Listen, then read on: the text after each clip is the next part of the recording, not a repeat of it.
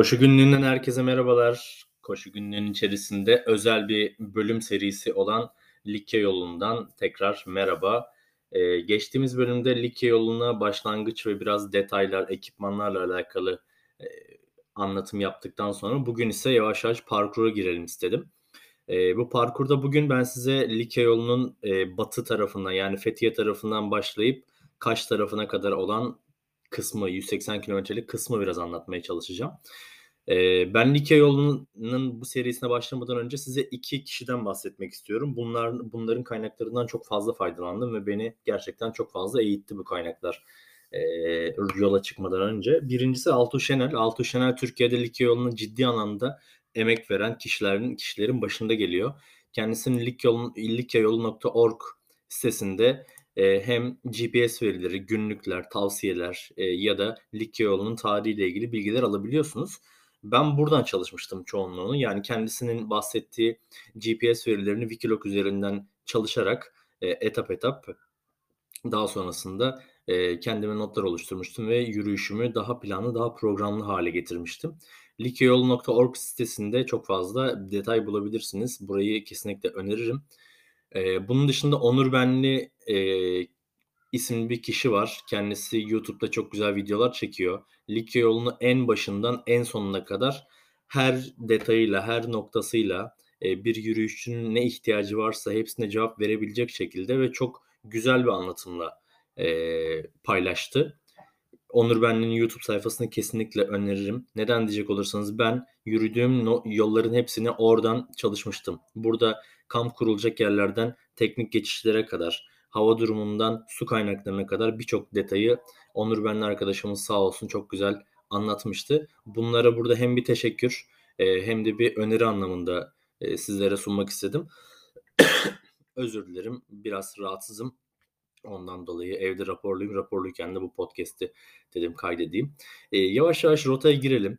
Likya yol dediğimiz e, yol aslına bakarsanız Fethiye'den başlayıp Geyikbayırı'na, Antalya Geyikbayırı'na yani Muğla Fethiye'den başlayıp Antalya Geyikbayırı'na kadar olan bir kısım. Ağırlıklı olarak Fethiye'den Geyikbayırı'na yürünür bu arada. E, Geyikbayırı'ndan Fethiye'ye doğru çok fazla yürünmez. Bunun sebebi nedir çok fazla bilmiyorum ama e, sanırım Fethiye tarafının biraz daha turistik olması, daha fazla e, turistik yerlere yakın olması ve insanların yürüyüş yaparken de buraları tercih etmesinin öneminden bahsedebiliriz. E, Fethiye Ovacık'tan başlıyor aslına bakarsanız yol. Ben 2019 Haziran'ında Fethiye'ye kadar e, biz şöyle yapmıştık o zaman. Arkadaşımla beraber yürüdüğümüzde arabamızı Kaş'a bırakmıştık. Kaş'tan otobüsle Fethiye'ye gelmiştik. Fethiye'den arabamıza doğru yani Kaş'a doğru yürümüştük. Bunun avantajı şu arkadaşlar. Yürüyüşünüzün bitmesiyle beraber arabaya ulaşacağınız işte temiz ekipman, temiz kıyafetlerinize, arabanıza konfor alanınıza ulaşma, ulaşacak olmanız sizin için bir motivasyon kaynağı olabilir. Bunu kesinlikle size söyleyebilirim. Ee, biz Fethiye'ye gidip e, Fethiye'den yürüyüşümüze başlamıştık. Ovacık'a işte Fethiye Otogar'dan Ovacık'a minibüslerle gitmiştik. Ovacık'tan da yavaş yavaş yürüyüşümüzü başlamıştık. Ee, başladığımızda Ovacık'ta o ünlü Likya yolu tabelasının altına tabii ki fotoğraf çektirdik. Siz de çektirin. Çok fazla vakit geçirin orada. Ve yavaş yavaş kendinizi Patika'ya ve Likya yoluna bırakın. Ee, yavaş yavaş başladığınızda ince ince böyle çıkmaya başlıyorsunuz ilk gün. Ee, tabii ilk günün hem bir şoku, üzerinizdeki kaç kiloluk artık e, şey varsa, ekipman varsa onun ağırlığıyla beraber ilk gün biraz yorabiliyor. Onun için hani ilk günü böyle daha soft 10-15 kilometre bandında geçebilirseniz çok daha mantıklı olur. Çünkü Fethiye Ovacık'tan başladığınız yol aslında Babadağ'a çıkan yol. Babadağ çıkışı da çok ciddi bir sertlik içeriyor. Yani muhteşem bir manzara var. Arkada Ölüdeniz manzarası var. Ama Babadağ'a doğru çok sert çıkıyorsunuz. Yani şu anda önümden de bakıyorum. E, 1.4. kilometrede 226 metredeyken e, 5. kilometreye çıktığınızda 800 metrelere çıkıyorsunuz. Yani bu çok ciddi bir oran aslına bakarsanız. E, onun için ilk gün çok fazla kendinizi yormamanızı ve yavaş yavaş devam etmenizi öneririm. İlk günün e, ilk gün geçeceğiniz yerler arasında işte e, Babadağ çıkışta yol belli bir yerden sonra Babadağ'dan ayrılıyor ve kendisi şeye doğru gidiyor yolumuz. E, Kelebekler Vadisi'ne, Faralya'ya doğru gidiyor. Kelebekler Vadisi'ne iniş yapabileceğiniz yer e, aslında gününüzün sonunda ol, olacak olan yer ama ben Kelebekler Vadisi'ne inmenizi önermem. Neden önermem? Çünkü buranın inişi biraz tehlikeli. Kelebekler Vadisi'ne gitmek istiyorsanız Ölüdeniz'den Kelebekler Vadisi'ne deniz yoluyla geçebilirsiniz. Bu birinci e, durum. Ya da Kelebekler Vadisi'ne e, giderken çantanızı yanınıza almazsınız. Yukarıda bırakabileceğiniz bir yer varsa bırakıp Kelebekler Vadisi'ne inersiniz ve geri yukarı çıkarsınız. Ben inmedim. Çok da pişman değilim açıkçası. Yukarıdan görmek de çok keyifli. Hemen orada bir çadır kurma durumunuz var ama biz ilk gün Kabak'a kadar yürümüştük. Yani Kelebekler Vadisi'nden Kabak'a kadar da devam edip Kabak'ta e, çadırımızı kurmuştuk. Kabak'ta yukarıda arabaların arabaların bırakıldığı yerden sonra aşağıya minibüste iniyorsunuz. Minibüste inin. Boşuna toprak yolda toz toprak yiyerek yürümenin çok bir anlamı yok. Kabak'ta ilk gün eğer çadırınızı kurarsanız ikin, ilk gün 15-16 kilometreyle soft bir geçiş yapabilirsiniz. Burada bu arada Likya yolu asfalt yola da veriyor. Biz burada otostop çekmiştik ve Kabak kısmına o 3-4 kilometrelik Kelebekler Vadisi ayrımı ile Kabak arasını patika yolu olmadığı için e, buraya otostopla geçmiştik. Kabak'taki ilk günün ardından ikinci gün sabah uyandığımızda çadırımızı hızlıca toplayıp Kabak'tan yola ayrılmıştık. E, buradan e, Kabak Vadisi'nden Alınca'ya çıkıyorsunuz. Bu Alınca dediğimiz yer ciddi sertlik içeren bir rota. E, Likya en güzel manzaralarından birine çıkıyor ama yaklaşık 6-7 kilometrede yine size bir 400-500 metre kazanım verdikten sonra sizi biraz yıpratıyor açıkçası. E, Alınca'dan devam ettikten sonrasında işte Sidima ve Bel kısmına devam ediyorsunuz. Sidima'da bir antik kent var. Bu antik kente vaktiniz varsa uğramanızı öneririm. E, kesinlikle müze kartınızı yanınızda bulundurun. Burada yine su kaynakları var. E, marketlerin olduğu köylerden geçiyorsunuz. Çok özür dilerim eğer kahve içtiğimiz sesi geldiyse. E, Bel kısmına devam ettiğimiz yani Bel köyüne devam ettiğimizde burada yine teknik olarak bazı geçişler var. Bazı rota kayıpları yaşayabilirsiniz burada. Buna dikkat etmek gerekiyor. Mümkün olduğu kadar kırmızı beyaz işaretleri e, takip edin. Wikilog Premium'u indirin. indirin. Senelik 50-60 lira gibi bir ücreti var. Çok işinize yarıyor. Yanınıza taşınabilir şarj aleti alın. E, ya da güneş ışığıyla dolan şarj aletleri var. Ya da güneş ışığıyla sizin telefonunuzu şarj eden aparatlar var. Çok fazla çorak noktalardan geçeceğiniz için çok fazla güneşi alırsınız ve burada telefonunuzu şarj etme konusunda sıkıntı yaşamazsınız. Bunlar çok önemli detaylar. Buna önem göstermenizi isterim. E, Sidima ve Bel'den geçtikten sonra Bel'den Cavrağlı, Pidnai ve Özlen kısmına devam ediyorsunuz. Şimdi Cavrağlı dediğimin aslında adı Gavur Ağılı. Şimdi burasının bu arada bugünkü yani bu rota Bel Gavur Ağalı ve Pidnai iniş rotası. Ee, ama burada Gavuroğlu'na oradaki köylüler Cavuroğlu dedikleri için ben de Cavuroğlu diyorum buraya. Burada yapacağınız şey çok ciddi anlamda bu, bugün Patara'da bitiyor bu arada. Hani Pidna'ya Özden Patara kısmında bitiyor. Çok ciddi bir inişiniz olacak. Şimdi Likya yolunun çıkışları beni zorlar de, dediğinizi duyar gibiyim ama Likya yolunun inişleri de ünlüdür ve bu en ünlü inişlerden biri Cavuroğlu inişidir. Burada çok fazla çarşak zemin var, teknik zemin var, manzara harika ama çok dikkat etmek gereken bir yer. Yani 680-700 metrelerden neredeyse 0 metrelere ineceksiniz. Yani neredeyse değil Patara, Patara'nın olduğu yere ineceğiniz için deniz seviyesine sıfırlara ineceksiniz ve e, 1000 metrelik bir kazan yükseklik kaybını yaklaşık 13-14 kilometrede alacaksınız. E, bugün biraz dinlenme günü olabilir ama dizleri yoracaksınız. Buna dikkat edin. Bu arada şey söylemiyorum. Yani bugün şurada çadır kurun, bugün şurada çadır kurun ya da şurada pansiyon yapın demiyorum. Bu çünkü çok ayrı bir teknik konu. Kendi performansınıza çadırla yürü, yürüyüp yürümeyeceğinizi ya da pansiyonların nerelerde var olduğuna göre şekillenecek bir durum. Bununla ilgili e, Instagram üzerinden iletişime geçebilirsiniz. Bildiğim kadarıyla yardımcı olmaya çalışırım. Ama e, Altuğşen'in likyol.org sitesinde ve Onur Benli'nin kendi videolarında çok önemli detaylar var. Pansiyon da öneriyorlar, çok güzel kamp yerleri de öneriyorlar ya da doğanın içerisinde bir suyun kenarında çok güzel öneriler de size sunuyorlar. Onlara kesinlikle dikkat etmenizi öneririm. E, Patara'ya indik. Patara'da bir denize girdik. Güzel Patara'da bir kamping var. Patara'da bir kamping var. Orada e, konakladık. Ondan sonrasında ertesi gün devam ettiğimizde yolumuza ise e, Patara'dan Leton ve Zantos kenti var. Leton Zantos kenti hatta şöyle söyleyeyim size Leton, Leton Zantos, Üzümlü e, ve Kınık rotasını bypass edebilirsiniz. Bypass etmek şudur. Buralar çok fazla asfalt yollar, yoldur arkadaşlar. Likya yolunun bu kısmını genelde kimse yürümez. Ya otostop çekerler ya minibüse binerler. Ee, biz de o şekilde yapmıştık. Bunda e, işte Likya yoluna gittim. Otobüse mi bineceğim, minibüse mi bineceğim, işte otostop mu çekeceğim gibi bir durum mu bence şey yapmayın. Çünkü e, patikada yürümemek sizi yani daha doğrusu asfaltta yürümek sizin birincisi motivasyonunuzu kaybettirecek. İkincisi bilekleriniz yumuşak zemine günlerdir çok alışık olduğu için bilekleriniz asfalt zeminde yorulacak. Çok fazla sıcak yiyeceksiniz, su kaybedeceksiniz ve tuz kaybedeceksiniz. Çünkü muhtemelen sıcak mevsiminde yürüyeceksiniz burayı. Soğuk mevsiminde yürürseniz de sıkıcı bence. Ee, ve buralarda göreceğiniz bir şey yok en önemlisi. Yani burada e, sokak aralarındaki elektrik direklerin üzerinde kırmızı beyaz like yolu işaretlerini göreceksiniz. E, bu tabii ki sizin kendi şahsınıza ait bir karar olur ama e, buraları bu şekilde geçebilirsiniz. Leton ve Zantos antik kentinin e, önemleri çok büyük. Neden diyecek olursanız buralar geçmiş dönemde Likya uygarlıklarına başkentlik yapmış yerler. Özellikle Zantos'un hikayesi e, çok hüzünlüdür, acıklıdır. Onu kısaca anlatayım size.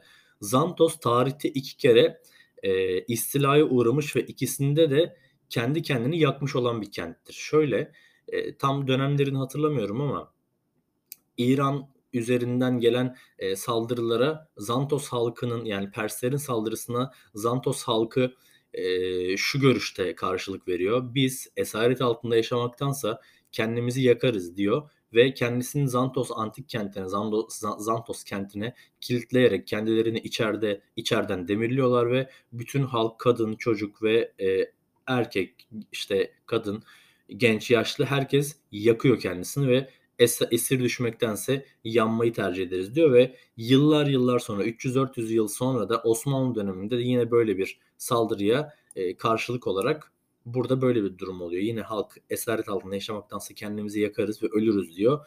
Bunun hikayesini çok özür dilerim.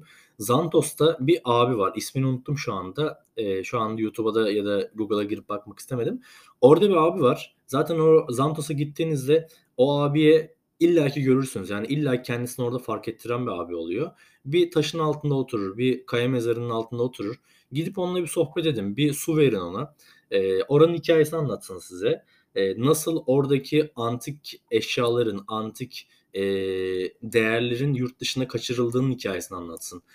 İngiltere'deki müzede nasıl oradaki lahitin orijinalinin sergilendiğini, buradaki lahite, lahitin ise replika olduğunu ve bu replikayı da İngilizlerin verdiğini anlatsın.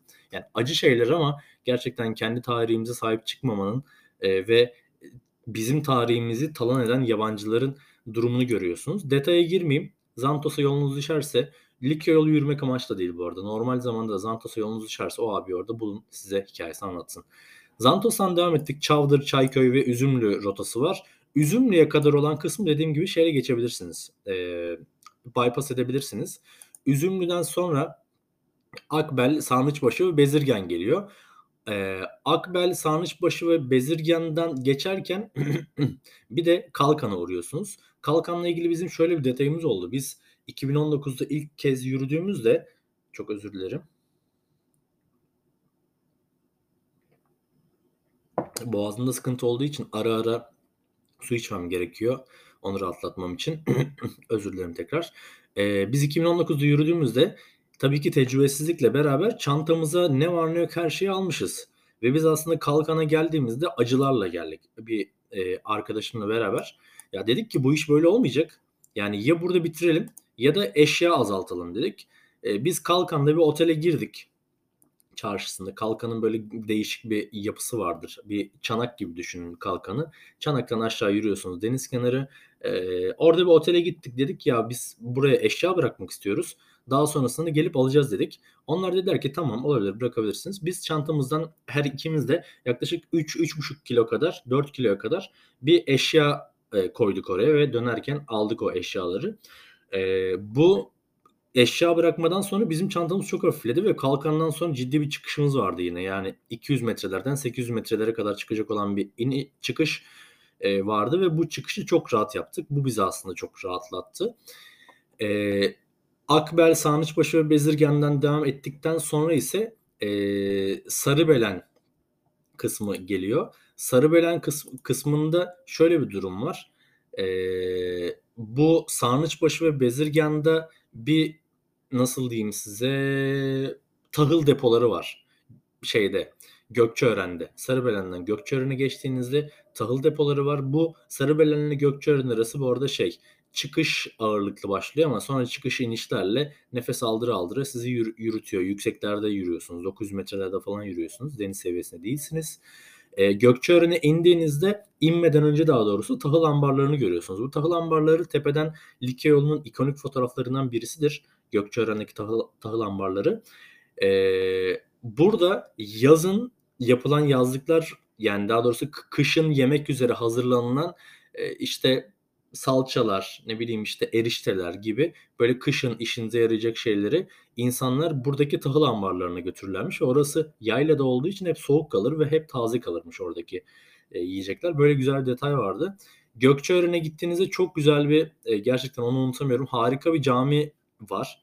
E, caminin hemen karşısında çok büyük bir çınar ağacı. Çınar ağacının etrafında böyle kocaman yani 20'şer metreden kare bir oturma yeri yapılmış camiden çıkanların nefes almasıyla ilgili. Biz buraya öğlen saatlerine ulaştığımızda o ağacın altındaki dinlenmemi unutamıyorum. Ee, çok mutluydum ve orada e, ka- kahveci bir abi vardı. Abinin ismini unuttum. Instagram hikayelerinde var ama e, o abinin kahvesi çok çok güzel gelmişti bize. Onun için Gökçeören'i böyle yani şu an anlatırken de mesut anlatıyorum, mutlu anlatıyorum. E, Gökçeören'den çıktıktan sonra hacı olan Felos ve Çukurbağ kısmı var. E, bu yavaş yavaş bizim Kaş'a yaklaştığımızı gösterir. Gökçeören'den yavaş yavaş da bir inişle başlıyoruz günümüze ve daha sonrasında çıkışla, ciddi bir çıkışla e, Çukurbağ'a doğru gidiyoruz. Çukurbağ dediğimiz yer aslında Kaş'ın üstü.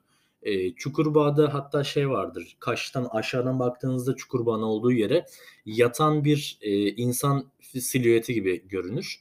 Yatan insan silüeti Çukurbağ tarafıdır aslında ve orada çok güzel böyle bir e, manzara var. Kaş manzarası var. Karşıda işte adalar manzarası falan var. Meis Adası'nın manzarası falan var. E, burayı da geçtikten sonrasında ise yani Çukurbağ şey yaptıktan sonra ulaştıktan sonra Çukurbağ'dan Kaş manzarasının olduğu yere gidiyorsunuz. Düz, düz bir yer. E, hafif inişli düz bir yerden gidiyorsunuz. Ve daha sonrasında çok sert bir inişle yani yaklaşık e, 4 kilometrede 500 metre kazanım kaybederek yani yükseklik kaybederek aşağı iniyorsunuz Kaş'a ve burada Kaş'ta yürüyüşünüzü noktalıyorsunuz ilk turunuzu. Ben 2019 yılında şöyle yapmıştım. Fethiye'den arkadaşımla beraber Fethiye'den başlamıştık ve 7 günde yanlış hatırlamıyorsam eğer 7 günde Kaş'a ulaşmıştık. Burada bazı yerleri bypass etmemizin yani araçla e, to- otostopla geçmemizin bir sebebi tabii ki vardı. E, bunu size kesinlikle öneririm. E, çok zor bir rota mı? Çok zor bir rota değil ama teknik bir rota. Yani çok aşırı yükseklik kazanmadığınız ama teknik bir rotadan bahsediyoruz.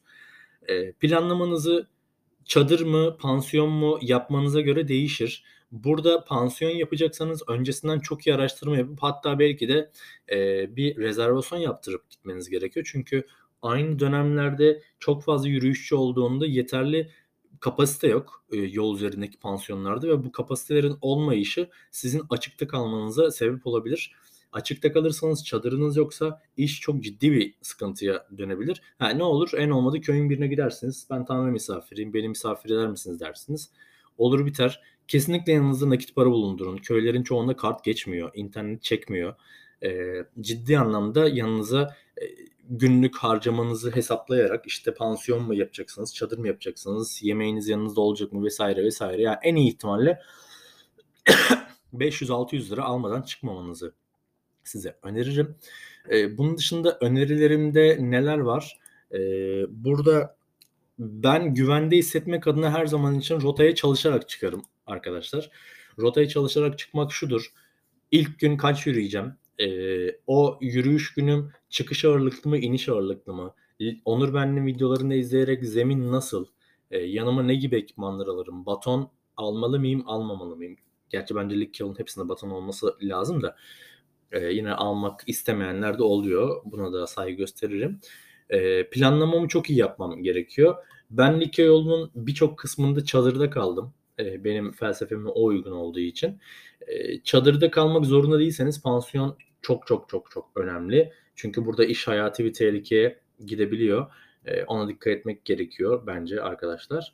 Eee, bunun dışında yapabileceğiniz, dikkat etmeniz gereken şeyler, eee, yaz yani ilkbaharda yürüyecekseniz gün ışığı çok fazla sizin arkadaşınız olacak. Çünkü gün erken aydınlanıyor ve geç kararıyor. Bu da sizin uzun saatler yürümeniz anlamına geliyor.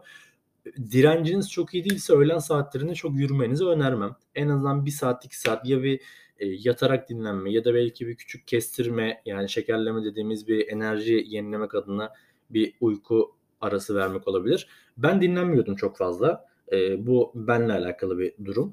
Eee, öğlen saatlerinde de iyi yürüyebiliyordum. Bu da benim günlük çok fazla kilometre yapmama yardımcı oluyordu. Bu bir tercih. Herkes kendini tanıyarak şey yapabilir.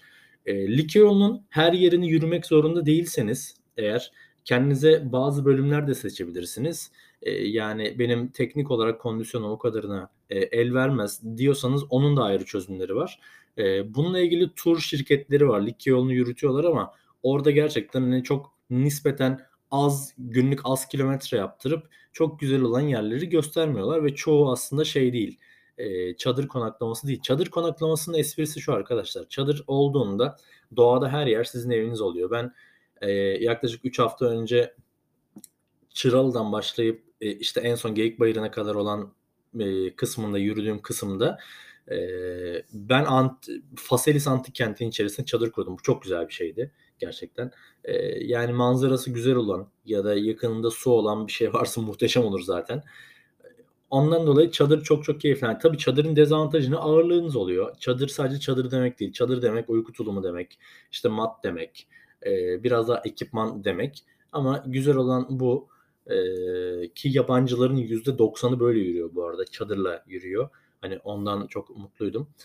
Eee, başka söyleyebileceğim neler var? Eee, yani ilk Ovacık'tan çıktığınızda çok yorulacaksınız ama ufak ufak arkaya baktığınızda, eee, artık Likya yolunu yürümeye başladığınızdaki siz artık siz olmayacaksınız. Yani bitirdiğinizdeki sizle o Ovacık'tan çıktığınızdaki siz arasında çok çok çok fazla fark olacak. Ben yapamadım ama ne olur siz yapın, yazın. Günlük olarak yazın ya da kendinize ses kaydı atın. Bir arkadaşınıza, eşi eşinize, dostunuza ses kaydı atın. Sonra onları çözümleyin. Eee, onları bir yere yazın. Eee, çünkü benim şu anda fotoğraflar dışında, bazı noktalar dışında çok hatırladığım bir şey maalesef yok. Eee, tabii, eee, bu günün, yani günde 22-23 kilometre yürüdükten sonra ne kadar yazmaya hâliniz kalır, ne kadar bir şey kaydetmeye hâliniz kalır bilmiyorum ama bunlar önemli şeyler. Çünkü yol insanı büyütüyor, yol insanı değiştiriyor. Yolculuk çok güzel bir şey. Yol arkadaşlığı çok güzel bir şey. Eee, yol üzerinde tanıştığınız arkadaşlarınızla günlük hayatta görüşebiliyorsunuz, yabancılarla sohbet edebiliyorsunuz ya da, eee, çok dünyanın garip garip yerlerine Yani ben bir yerde karşılaşmıştım. Avustralya'dan gelen bir kadın, 40'lı yaşlarında bir kadın, "Ben sadece bu yolu yürümek için Türkiye'ye geldim ve 1,5 ayımı ayırdım buna." dedi. Eee, ben çok etkilenmiştim orada. Yani Avustralya dediğimiz diğer yarımküre, eee, bunu yapmak için buraya geliyor ve bizim kültürümüzü tanımak için bu kadar masrafa giriyor, bu kadar zamanını ayırıyor, enerjisini ayırıyor ama çok güzel şeyler gerçekten. Eee, Likya yolu benim için hayatımın en güzel deneyimlerinden biridir. Umarım sizlerin de bu deneyimleri olur. Ne kadar yürüdüğünüzün, nereye yürüdüğünüzün, eee, nasıl yürüdüğünüzün gerçekten anlamı yok. Patikada olun, doğada olun, özünüze dönün ve, eee, çok fazla anı biriktirin. Bu anı anılarınızı arkadaşlarınızla, sevdiklerinizle, çocuklarınızla paylaşın ve daha fazla insanın bunu, eee, gerçekleştirmesine yardımcı olun. Benim paylaştığım şeyleri paylaşın. Daha çok insan ulaşsın, daha çok insan o siteleri takip etsin, daha fazla insanımız yürüsün ve, eee, biz kendi kültürümüzü, kendi güzelliklerimizi tüm dünyaya tanıtabilelim. Çünkü tüm dünyanın bizi daha faz daha doğru ve daha detaylı tanımaya ihtiyacı var. Bizim kendimizi tanıtmamıza ihtiyacımız var. Likya yolu da dünyanın en iyi 10 yürüyüş yolundan biri olduğu için, eee, güzel bir fırsat. Bugün Fethiye-Kaş kısmını anlattım. Eee, çok detaya girmeden, çok parkurda sizi boğmadan, biraz sohbet havasında. Bir sonraki bölümde ise Kaş ile Çıralı arasını anlatacağım. Beni dinlediğiniz için teşekkür ederim. Kendinize çok iyi bakın, sağlıkla kalın.